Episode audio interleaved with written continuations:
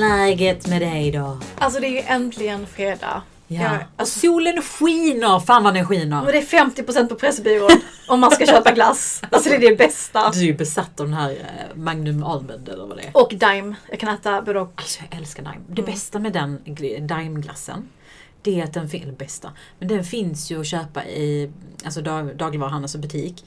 Mini. Mm. Och det är så perfekt för då kan man äta fler utan, alltså det är så att man bara så här, jag kan äta en, innan lunch, jag kan äta den efter lunch, jag kan äta den på eftermiddagen. Mm. jag, jag får fler tillfällen att njuta av allt. Både den här chokladen, vaniljglassen och den här våfflan. Mm, tycker GB Glass borde sponsra vår podd. Shoutout. Absolut. Nej men jag ska fan dit sen efter vår podd tänkte jag eh, och köpa på mig massa glass. Jag äter ju en glass per dag. Men är, är det fortfarande billigt på Pressbyrån om det är halva priset? Men det är klart det är. Är det det? Men då, då, tänk, då tänker jag lite olika. För att, annars måste man köpa paket på typ ICA Maxi. Ja. Alltså då blir det så här 15 Piggelin. Men Ja. Jag vill ju ha en Piggelin, en 88, Ah, du vill en där. Ja men jag vill ha liksom ett härligt glassortiment nu till helgen. Klassortiment. Vad roligt. Men okej, jag fattar. Så det känns ju lite som att vi har helgen kittat för oss med vad vi ska göra. Ja men lite så, fan det har varit en intensiv vecka. Men varför är det så varje gång det är fint väder att man blir lite som en annan person? Man blir li- gladare? Ja, man blir trevligare. Ja menar du? Jag, Ja, men jag, tror, så- jag tror att man hade hört vår energinivå på den här podden och sen typ så spolat någon gång i november. Mm, Det ja. Vi är ändå lite positiva att vara utmattade. Jag fattar du vad jag menar? Vi är jättetrötta, vi har jobbat jättemycket men vi är fortfarande positiva människor. Mm. Det är Men någonting det- som händer. Det är något som händer. Plötsligt händer det. Nej men eh, jag hade, vi har haft säljkonferens på jobbet i tre dagar. Ja, fy fan vad utmattande det är att lyssna på folk. Även om det är jätteintressant innehåll och eh, många spännande happenings. Mm. Alltså att sitta, kanske också som gravid. Jag vet, jag vet inte om jag ska dra det kortet. Men nu Det är jobbigt det. nog som det är tänker jag. Det är jobbigt, dålig luft. Powerpoint, läsa liksom någons powerpoint och lyssna. Och sen själv hålla en presentation på det. Och vet du? Den här gången tog jag till mig, vi pratade ju om att vi hade ett hundevent för några veckor sedan. Eh, där talaren nämnde att så här, våga släppa ifrån dig presentationen. Det behöver inte vara perfekt, det kommer aldrig bli perfekt. Så lika bra att ge upp. Jag tar till mig det. Mm. Jag gjorde good enough det jag mäktade med. Släppte den, presenterade och det gick skitbra. Ja. Alltså det var verkligen ingen skillnad i förbättring, tänker jag, om du hade lagt fler timmar på den. Nej, jag tror fan inte det. För jag tror Nej. mycket handlar också mycket hur du presenterar det. Ja. Sen om det är liksom en flashig bild eller om det är fyrverkerier. Alltså du vet. Men det finns liksom en sån här mättnadsnivå. Det finns verkligen den här good enough-nivån som du är inne på. Det, jag menar, det finns ju forskning som visar på att vi blir inte lyckligare efter en viss summa pengar. Mm. Att så här, lycklighetsnivån kan bli mättad av, jag vet inte hur många tusen det är, Mm. i inkomst. Men utöver det så blir du inte lyckligare. Nej. Du blir bara rikare. Ja. Men det är liksom, what's the point? Exakt, man vill vara lyckligare. Nej men så att jag är ändå stolt över mig själv att jag så här börjar dämpa ner den här perfektionismen. Mm. Och också släppa den ångesten. För att det är jobbigt att gå med den hela tiden. Bara, Åh fan, kommer alla vara nöjda? Kommer det vara perfekt? Alltså, pallar bara inte bry mig mer. Nej, Lite så. fattar. Du då? Har detta varit din sista jobbvecka? Ja men jag har ju, alltså jag har ju känt som, fan vad jag har varit dålig på att bestämma sig när jag slutar jobba. Men det kan också vara lite gött att det inte finns något svart eller vitt, eller? Vet inte. kan Om man bra vill vara positiv så kan man ju säga så men i verklighetens namn, in the real- reality, så känner jag faktiskt att jag hade ändå jag hade ändå gynnats av att vara helt ledig några veckor innan jag Är ska det in. ditt tips till mig? Ja, men det är mitt tips till dig men du kommer ändå inte lyssna på mig. Precis som inte jag lyssnar på någon annan. Så det är liksom en sjukdom man har, vad ska man göra? Men jag känner liksom, nu blev det ju också lite annorlunda för mig eftersom att jag fick ett planerat kejsarsnitt lite innan mitt, min BF. Har du sagt detta på den? Nej det har jag nog inte gjort. Jag har sagt du får nog ge lite bakgrund. Instagram. Ja precis. Men jag har, jag har egentligen BF 8 maj men fick på mitt sista, jag hade ett, efter rutinultraljudet så hade jag ett extra ultraljud för att min moderkaka låg väldigt långt ner. Och då sa man att vi behöver kolla så att den flyttar sig när vi närmar oss vecka, jag tror det var 34 någon gång jag kollade det. Eh, och då, där och då var jag så här, ja ja den kommer hinna flytta sig. För det var också den inställningen barnmorskan hade. Att Ja, Den okej. kommer flytta sig, oroa inte dig typ. Mm. Men sen kom vi ju in vid, till det här ultraljudet vecka 34 och fick besked dramatiskt. Men vi fick veta att nej, men det ligger fortfarande väldigt långt nere och att vi behövde komma in igen för att en specialist behöver kolla på det. Och det som är, eh, det heter placenta previa i liksom medicinsk, medicinska termer, men det handlar egentligen om att moderkakan eh, var där liksom ägget fäster sig. den ligger så pass långt nere att den blockerar delar eller hela liksom, förlossningskanalen. Så att barnet kan inte komma ut utan att liksom, du blöder extremt mycket och du skadar moderkakan. Okej. Så därför så bokar man in ett kejsarsnitt. eh, Som vi sen fick veta. Eh, ungefär tror jag vecka 35 någon gång. Vi Mm. fick ju liksom så. Eh, besked att det blev kejsarsnitt. Och för mig var det liksom där och då så hade jag verkligen ställt in mig på en vaginal förlossning. Och planerat för det. Jag hade lyssnat på de här böckerna och du vet jag hade gått en sån här profylaxkurs. Du eh, hade det? Ja men den här baby sim gym. eh, Ja. Inte baby gym. Vad heter det? När man gympar Gym- i vatten, gravidgympa. Ja. Det var en profylaxkurs också. Så att, nej men nu var jag bara så inställd på att jag skulle ha min kvinnliga urkraft när jag du hade liksom... förberett dig, läst på. Ja. Mm. Och blev liksom helt chockad någonstans av att nej men nu ska inte det vara den typen av förlossning. Mm. Ehm, Lite också kontrollbehov kanske? Ja, såklart. Det blev inte som jag tänkte mig. Mm. Men, men jag tror för mig var det också lite så här, jag tyckte det kändes där och då väldigt oromantiskt. Att min första träff med mitt barn blir liksom med en kirurgkniv. Alltså fattar du? Jag vet Mm. inte. Jag hade lite så här dilemma kring det. Men nu känner jag mig extremt okej med att det blir kejsarsnitt. Mm. Och har liksom ställt in mig på det och läst på kring det. Mm. Och, Lyssna på poddar och och böcker. lyssna på poddar kring kejsarsnitt. Mm. Så jag känner att jag kan allt om det. Mm. Vilket är skönt. Ja, Att jag ändå fick den tiden. Det finns ju många som får akuta kejsarsnitt och inte kan förbereda sig och så här. Så att jag är väldigt tacksam för det också, att jag nu får planerat. Så med det sagt så hade ju jag jobbet planerat att jag skulle vara ledig i tre veckor typ. Innan min BF. Men nu blev ju kejsarsnittet planerat innan min BF. Så då blev det nästan ingen.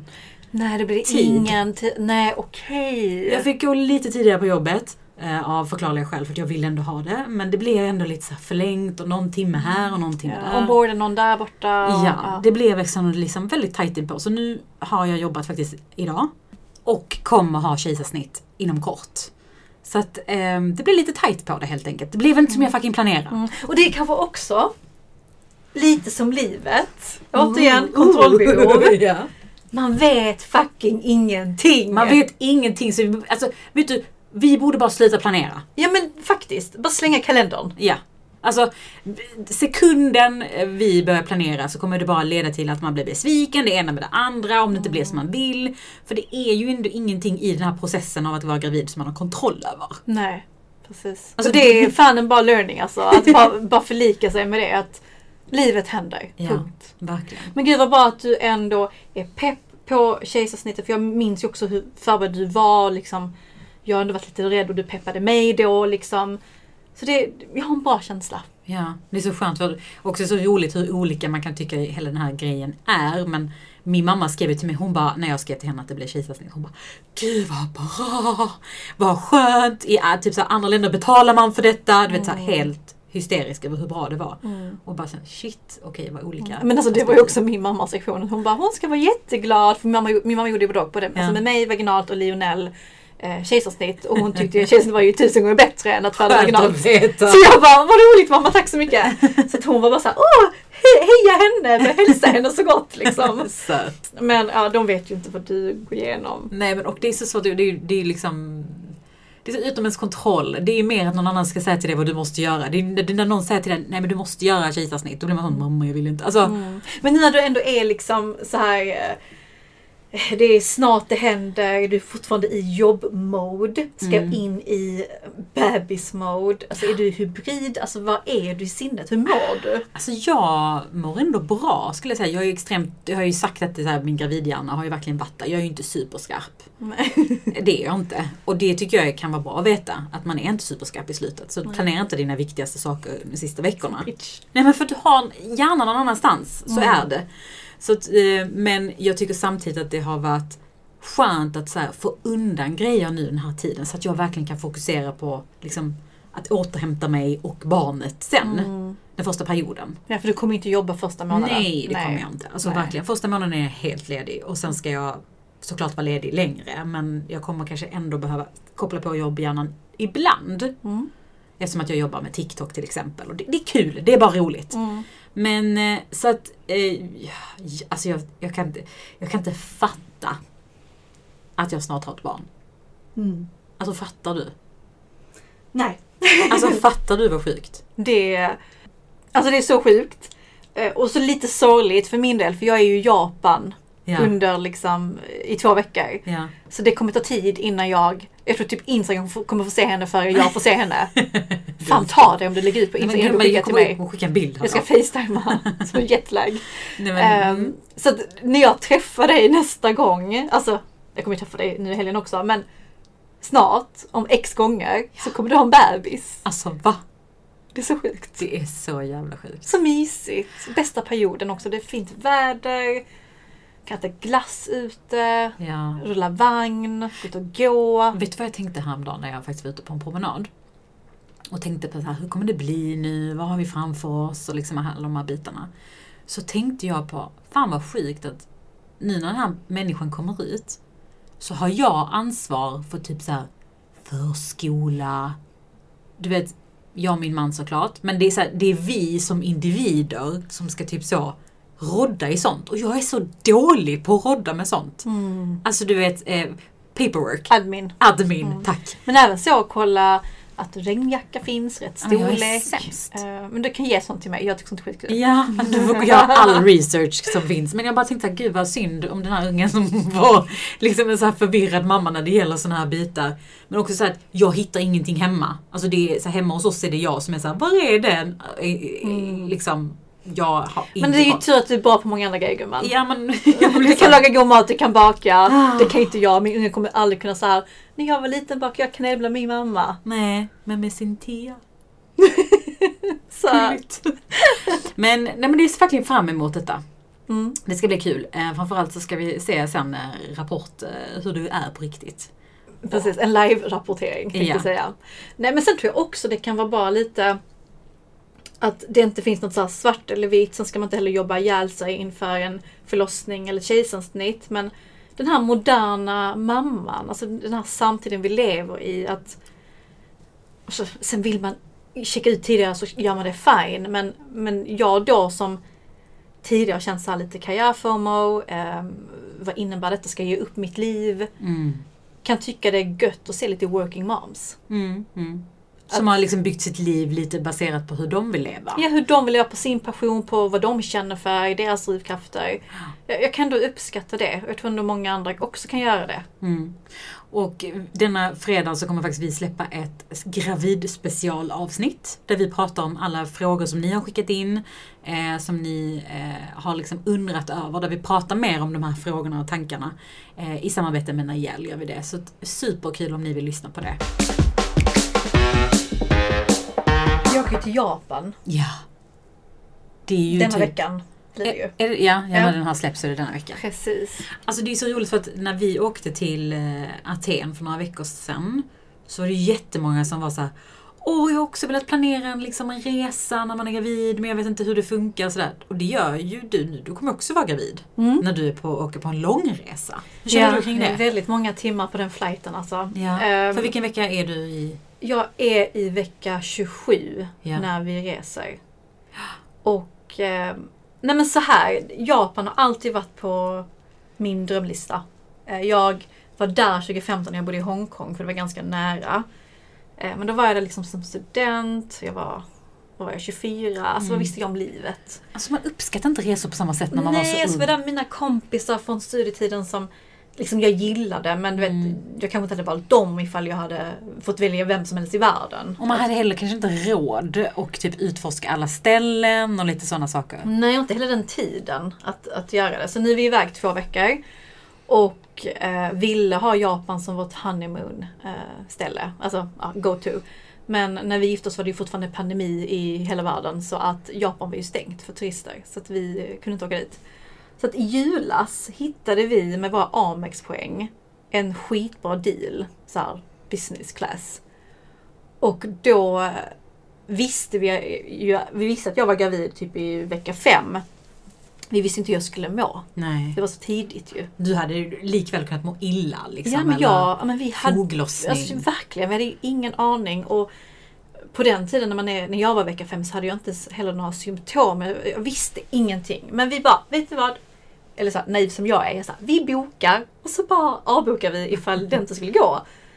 Och jag minns att vi ändå var lite oroliga. Vi började googla, hur är det att resa vecka 27? Och eh, jag liksom tänkte jättemycket på detta och skapade en väldigt onödig oro. För att nu, när vi ändå ska åka, så mår jag ju jättebra. Mm. Så återigen Så en reminder skönt. att jag inte ska oroa mig. Det är så Nej. typiskt mig. Jag blir så fucking lack. Att jag skapar sådana hjärnspöken. Mm. Istället för att bara ta det som det kommer. Så att vi åker och ehm, jag har ju alltid varit en sån resenazi och gjort listor och här ska vi äta, här ska vi gå. Den här gången har jag sparat liksom TikTok-guider men jag har inte planerat varenda dag in och ut som jag annars gör. Mm. Eh, Och det är faktiskt skönt att ta det som det kommer. Men vet du, det kommer ju kännas så mycket mer som en semester då, någonstans. Mm. När man gör på det sättet. Ja. Sen är det så mycket folk där så jag tror inte att man kan boka upp sig på samma sätt som kanske i Madrid. Och Mm. Det är på ett helt annat språk med helt olika tecken som jag inte förstår. Så att, eh, jag tror bara vi kommer vara där och bara kolla upp och bara oh my god med stora ögon och eh, försöka ta in alla intryck för att det kommer vara så annorlunda. Alltså de bästa upplevelserna jag har haft på saker som liksom har hänt under semestern har varit de här, vet när man har promenerat någonstans och så har man sett typ ett ställe och bara vad är det? Och så Mm. kollar man upp det och bara oh my god det måste vi göra. Mm. Eller det här måste vi äta. Mm. Jag älskar ju de momentsen. Ja. Alltså det är verkligen någonting superspeciellt med det. Mm. Ja, men bara att upptäcka, alltså som du säger, bara Mm. go with the flow. Så det ska bli skitkul. Eh, och eh, har bara ta upp resväskorna så ska jag bara packa nu. Jag har inte så mycket kläder. Alltså jag har Ja. typ två par byxor, eh, ett par tights, Mm. en klänning. så det blir inte outfit-resa precis på det sättet. Men det ska fan bli gött med en eh, semester Ja. faktiskt, mitt på våren. Sen börjar jag räkna mina jobbveckor. Jag jobbar bara tio veckor till när jag kommer tillbaka. Alltså tio jobbveckor. Mm. Hela veckor. Det är så roligt för jag gjorde ju en TikTok igår. Eh, där Jag såg ut- den! Där jag la ut så här, eh, typ att jag dansade så, fila mig. Och typ så med texten att när du har, eller när det pratas om projekt på jobbet som inte du kommer behöva rodda i för att du ska gå på föräldraledighet. Mm. Kan du relatera till den? Alltså jag kan det och det är faktiskt på gott och ont. Alltså det är jävligt nice när det är så här. Man vet om att detta kommer kräva så mycket tid, engagemang, svett, tårar. Det Mm. kommer vara jobbigt. Jag slipper den. Men sen du vet när vi snackar pressevent, lanseringsevent. De roliga de grejerna. roliga, lite flashiga grejerna som jag tycker är väldigt kul. Då får man lite så, "Mm, men gud ska någon annan ta över detta? Vad fan, ja hemma då. med kräk. Ja Liksom. men lite så, luktar äckligt. Eh, men någonstans så tycker jag att det ska, det ska bli härligt. Mm. Det, Och jag tycker också den här perioden vi går in i nu, alltså det är någonting som händer med folk under våren. För att det är så här, man lämnar den här tråkiga vintern bakom sig, det här lite dystra, nu har man sommaren att se fram emot och allt det som är härligt med det. Sen har man ju också liksom kanske någon semester inbokad, man är Mm. ledig. Alltså jag vet inte, även om vi upplever det här varje år, alltså obviously Mm. som vi har levt, så är det nästan som att man blir lite på nytt född mm. den här tiden. Ja, men känner du någon äh, ångest inför att, in, för att det inte blir en sommarsemester som du ändå är van vid? I juli, augusti? Ehm, nej, egentligen Det inte. låter som att du så bort från van vid. Men ni fattar Eh, vad jag menar. nej men egentligen inte faktiskt. För att jag har en bild av att det kommer bli en skitbra sommar här i Sverige. Mm. Jag har ju redan bettat på att liksom, det kommer bli så fint väder att det kommer vara lugnt. Mm, vad härligt för mig. Som Att ska vara mega höggravid. gravid. Ja, men man svettas ju redan som det är så att jag fattar att du är lite ångest av det. Nej men jag är faktiskt helt okej med det. Jag tänker också att ehm, alltså jag, jag har också en bild av att vi kommer kunna resa med barn på ett helt annat sätt än eh, som kanske är möjligt, alltså återigen att vara na- naiv. Men jag Mm. tänker typ att sen till hösten kanske vi tar en weekend. Mm. Vi har ju pratat om att vara iväg en längre period, kanske i Thailand Mm. längre fram. Så att Mm. jag, så här, jag har så mycket att se fram emot. Att, Att det är fine. det Mm. känns faktiskt Men helt okej. men jag tycker det är nice med den här naiva. Jag kan inte säga om just det här, den här egenskapen att vara naiv. Mm. Alltså på gott och ont. Speciellt i den fasen vi är i. Att det är fan gött att så här, det löser sig. mm. Man vinner ingenting på att vara orolig eller älta. Framförallt inte innan det har hänt. Alltså när det väl har Mm. hänt så förstår jag liksom att det, oro är normalt. Men Mm. att oroa sig för saker som ännu inte har hänt, Mm. det känns bara som en waste of time. Ja men verkligen. Nej men alltså jag funderar ju också på nu åker vi till Japan, det ska bli skitnice. Och så har vi faktiskt en till Amex-kupong, två för en. Så fan, hinner vi Marbella eller Palma? för och så började, jag kollade faktiskt senast igår Ja. om det skulle gå. pratade med min man om det och han bara du vet stänger den helt. Ja. Jag tycker det är lite tråkigt. Men jag kan ändå tycka att han behövs i er relation. För du hade också, liksom också kunnat typ föda i Marbella även om inte du vill det. Mm, alltså, fan sant. Det, ja, jo. lite begränsningar i graviditeten. ja, men jo fan. På tal om helg. Eh, jag ska ju hem efter detta.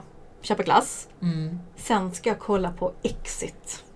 Är det den här norska psykopatserien? Ja. Ja. Fan vad folk snackar om den. Mm, alltså det är ju för att den är, det är sista- säsongen som släpps nu. Och det är ju en väldigt kontroversiell eh, serie som handlar om fyra vänner, finanstoppar. Jag tänkte säga valpar, men det är de ju inte. Men de är ju finanstoppens elit. Eh, där de är skitrika, cashar in de sjuka bonusarna. De har drogproblem. Ja. Eh, de är uttråkade även om de har liksom skithärliga liv utåt sett med familj och liksom fint hus och fina semestrar. Men de är liksom ständigt kicksökande. ja, det är verkligen så här överklassporträtt. Typ. Ja men verkligen. Och man får så lite Djursholm-känsla. Gud vad jag är Mm. fördomsfull. Mm. Kan man säga så? Ja, Nej, men det är faktiskt väldigt kul. Alltså, jag har ju faktiskt inte sett den här serien men jag har ju hört så extremt mycket om den att folk så här, Den är det sjukaste man har sett, att det är väldigt vulgära scener och liksom att det händer väldigt sjuka saker i den här serien. Ja men alltså den är ju lite baserad på djupintervjuer med personer i liksom Oslos finansdistrikt. Mhm. Så det är ändå lite, sanning, reality. det är lite reality i den. Och eh, alla dessa eh, män har ju lite psykopatdrag, den ena mer än den andra. Mm. Hur de eh, liksom behandlar sina fruar, hur de behandlar sina partners, alltså på jobb. Hur de bara, alltså deras karaktär, det är bara så sjukt. För detta händer ju i verkligheten. Mm. Alltså jag måste säga att jag har en liten fördom om superrika människor. Okej. Och det är att det känns som att psykopati Mm. ökar desto mer du har pengar. Vilket inte kan stämma kän- känns det som. Mm. För att det är liksom en diagnos versus en livsstil. Mm. Men jag, bara, jag tycker bara det är så sjukt att jag, det känns som att desto rikare du är, desto sjukare är du i huvudet. Mm. Alltså det finns liksom så många exempel på människor som alltså man bara var såhär, hur? Har du någonsin jobbat med psykopat? Jag tror det. Mm. Det är så svårt att veta för det är Okej, ingen som säger att jag är, jag är en diagnospsykopat. Utan det är ju liksom... Nej men utifrån de eh, karaktärerna man har läst om och egenskaperna och tecken. Men när, vad, vad, hur, vis, hur kände du att okej, detta är psykopatdrag? Ja men du vet när exempel? man märker liksom att det här med eh, empati snarare är en, eh, ett skådespel än en äkta känsla hos den här personen. Mm, eller att det inte finns alls. Ja men förstår du? Mm. För att oftast lär ju de sig alltså, act like a human. Mm. Men man ser att det inte riktigt är det. Helt tom i blicken. Precis, Mm. eller liksom att man bara, det dyker upp att den här personen har liksom men bara tänkt på sig själv och sen skit, ja men verkligen så här. Gud det här är inte normalt. Mm, mm. Alltså det är jätteläskigt. Jag har jobbat med, jag tror att han var psykopat. Men han var också väldigt snäll. Men oftast är de Och jag gillar honom, alltså Ja, faktiskt. Ja. Vi hade samma humor och sånt. Jag gillar honom jättemycket. Men eh, alltså det, dels var det blicken. Ja. Sjukt läskig, blick. Ja. Så svart. Ja. Men också eh, efterkonstruktion av vad som faktiskt hände. Så manipulativa. Lögner. Mm. Han kunde ljuga om så konstiga grejer. Och få för sig ibland att vissa hade en agenda som faktiskt inte existerade och jag vet inte, gjorde en verklighet av det. Alltså det bara var så Mm. sjukt. Och där och då såg jag inte det. Men nu i efterhand så bara ser jag alla tecken. Mm. Jag fattar. Alltså det är så sjukt läskigt för att man glömmer ju oftast på en arbetsplats när man, eh, man har ju massa olika kollegor eh, som liksom tvingas ihop i en plats Mm. och ska jobba med varandra. Men det finns ju psykopater bland oss. Alltså verkligen. Det är Mm. det som är så sjukt. Narcissister, alla, alla de Ja. här. Det finns ju folk med personlighetsstörningar runt omkring oss. Mm. Och oftast är det ingenting som någon säger. Att, så att nej, men jag... Jag är psykopat. Nej men, jag är narcissist. nej men liksom, det är så här, man gör ju inte det. Och ändå så, så måste vi leva amongst them. Mm. Och liksom... Jag vet inte. Och man vill ju inte hamna på deras shitlist. För då blir livet jävligt surt. Mm, ja men De exakt. kan gå över lik. Nej men jag hade nog velat göra ett test för jag tror att vi alla vi har lite Ett psykopattest? Ja men jag hade det för att veta hur mycket har jag i mig. Ja. Är jag lite narcissistisk? Är jag lite psykopatisk i, i liksom min personlighet? Alltså är det 1-2%? Är det 50%? ja, men lite så insikt. Vad är jag på den här skalan? Ja. Ja men verkligen. Jag tror faktiskt Sen tror jag också att miljö påverkar jättemycket. Att det kan ta fram ens sjuka psykopatdrag. Ja. Alltså, att man kanske inte ibland behöver vara en psykopat. Jag vet inte. Alltså det är så sjukt för att nu jag sitter faktiskt här och googlar lite här om psykopati. Och det, det är ju väldigt Det är ju liksom en person som ofta är charmig, liksom Mm. vet hur man ska prata, men kanske ljuger och har lite så en grandios upplöst självbild. Mm, alltså jag tycker ändå att jag är charmig och vet hur jag ska prata. Det låter ju inte som dig! Nej men alltså, men det är just det här med att en person har liksom brist på empati och, Ja. och att liksom känna oförmögen att känna med andra människor. Mm. Eh, men de kan fortfarande lära sig att fejka det. Det är just det, Det som är lite så här sjukt. Skådespeleri, alltså Ja. Hollywood. Ja men exakt. Och att man oftast liksom alltid handlar utifrån sina egna behov. Mm. Och det, alltså, du vet, det, det finns så många amongst us. Ja, vi har jobbat med dem. Eller hur? Jag tänker så att om man är en arbetsplats på typ 50 pass så måste ju åtminstone en vara 100 procent. psykopat. Ja. Och vet man inte, finns det inte så är det du som är det. Mm. För Men att du, kan, oh shit. så är det du som är Oh psykopaten. fuck. Men kan inte ni eh, som lyssnar på podden som har jobbat med psykopat eller har erfarenhet eller kanske är en psykopat själv. Så jävla sjukt. Alltså, Men, men skriva och, och ge oss lite berättelser. Jag tycker Ja. att vi ska ha ett psykopatavsnitt för det har vi aldrig snackat om. nej. Nu snackar vi om det för att Exit har liksom premiär idag. Mm. Men eh, för jag vill faktiskt veta mer. är massa personlighetsstörningar i jobbet. Ja men det sjukaste du varit med om, vad har någon gjort? Mm. Och hur hanterar man dem? Men jag kan också tänka att ur ett karriärperspektiv, helt ärligt, handen på hjärtat, så finns det nog fördelar med att vara psykopat. Jag tror att det är lätt att avancera som psykopat. Ja men att du verkligen du låter rinna av dig. Du ältar kanske inte dessa... Ja, och saker. att du kanske inte säger men jag kan ju inte ta den personens jobb eller hur kommer den känna? Det är eller... inte min tur. Nej men förstår du, utan du tänker ju bara ut på dig själv vilket gör att du också kommer kunna komma längre. Mm. Det är fan sant alltså. Hemskt men säkert sant. Ja. Alltså jag tänker vi har nog många psykopater på toppen. 100 procent. Tror inte Elon Musk är lite psykopat? Ja, men jag skulle precis upp Med det storhetsvansinnet och Han de måste idéerna. ju vara lite psykopat. Mm. Så det kanske inte är så jättedåligt att vara en psykopat. Vi Nej. behöver dem för att komma framåt. Mm, vi kanske ska lära oss av psykopaterna. Mm. Ta med det goda men inte det onda. Exakt. Nej men ärligt, jag är faktiskt så nyfiken. Om det är någon där ute, säkert, men ni ändå liksom många som lyssnar. Ja. Dela med er. Vi vill så höra det mest juiciga ni har. Mm.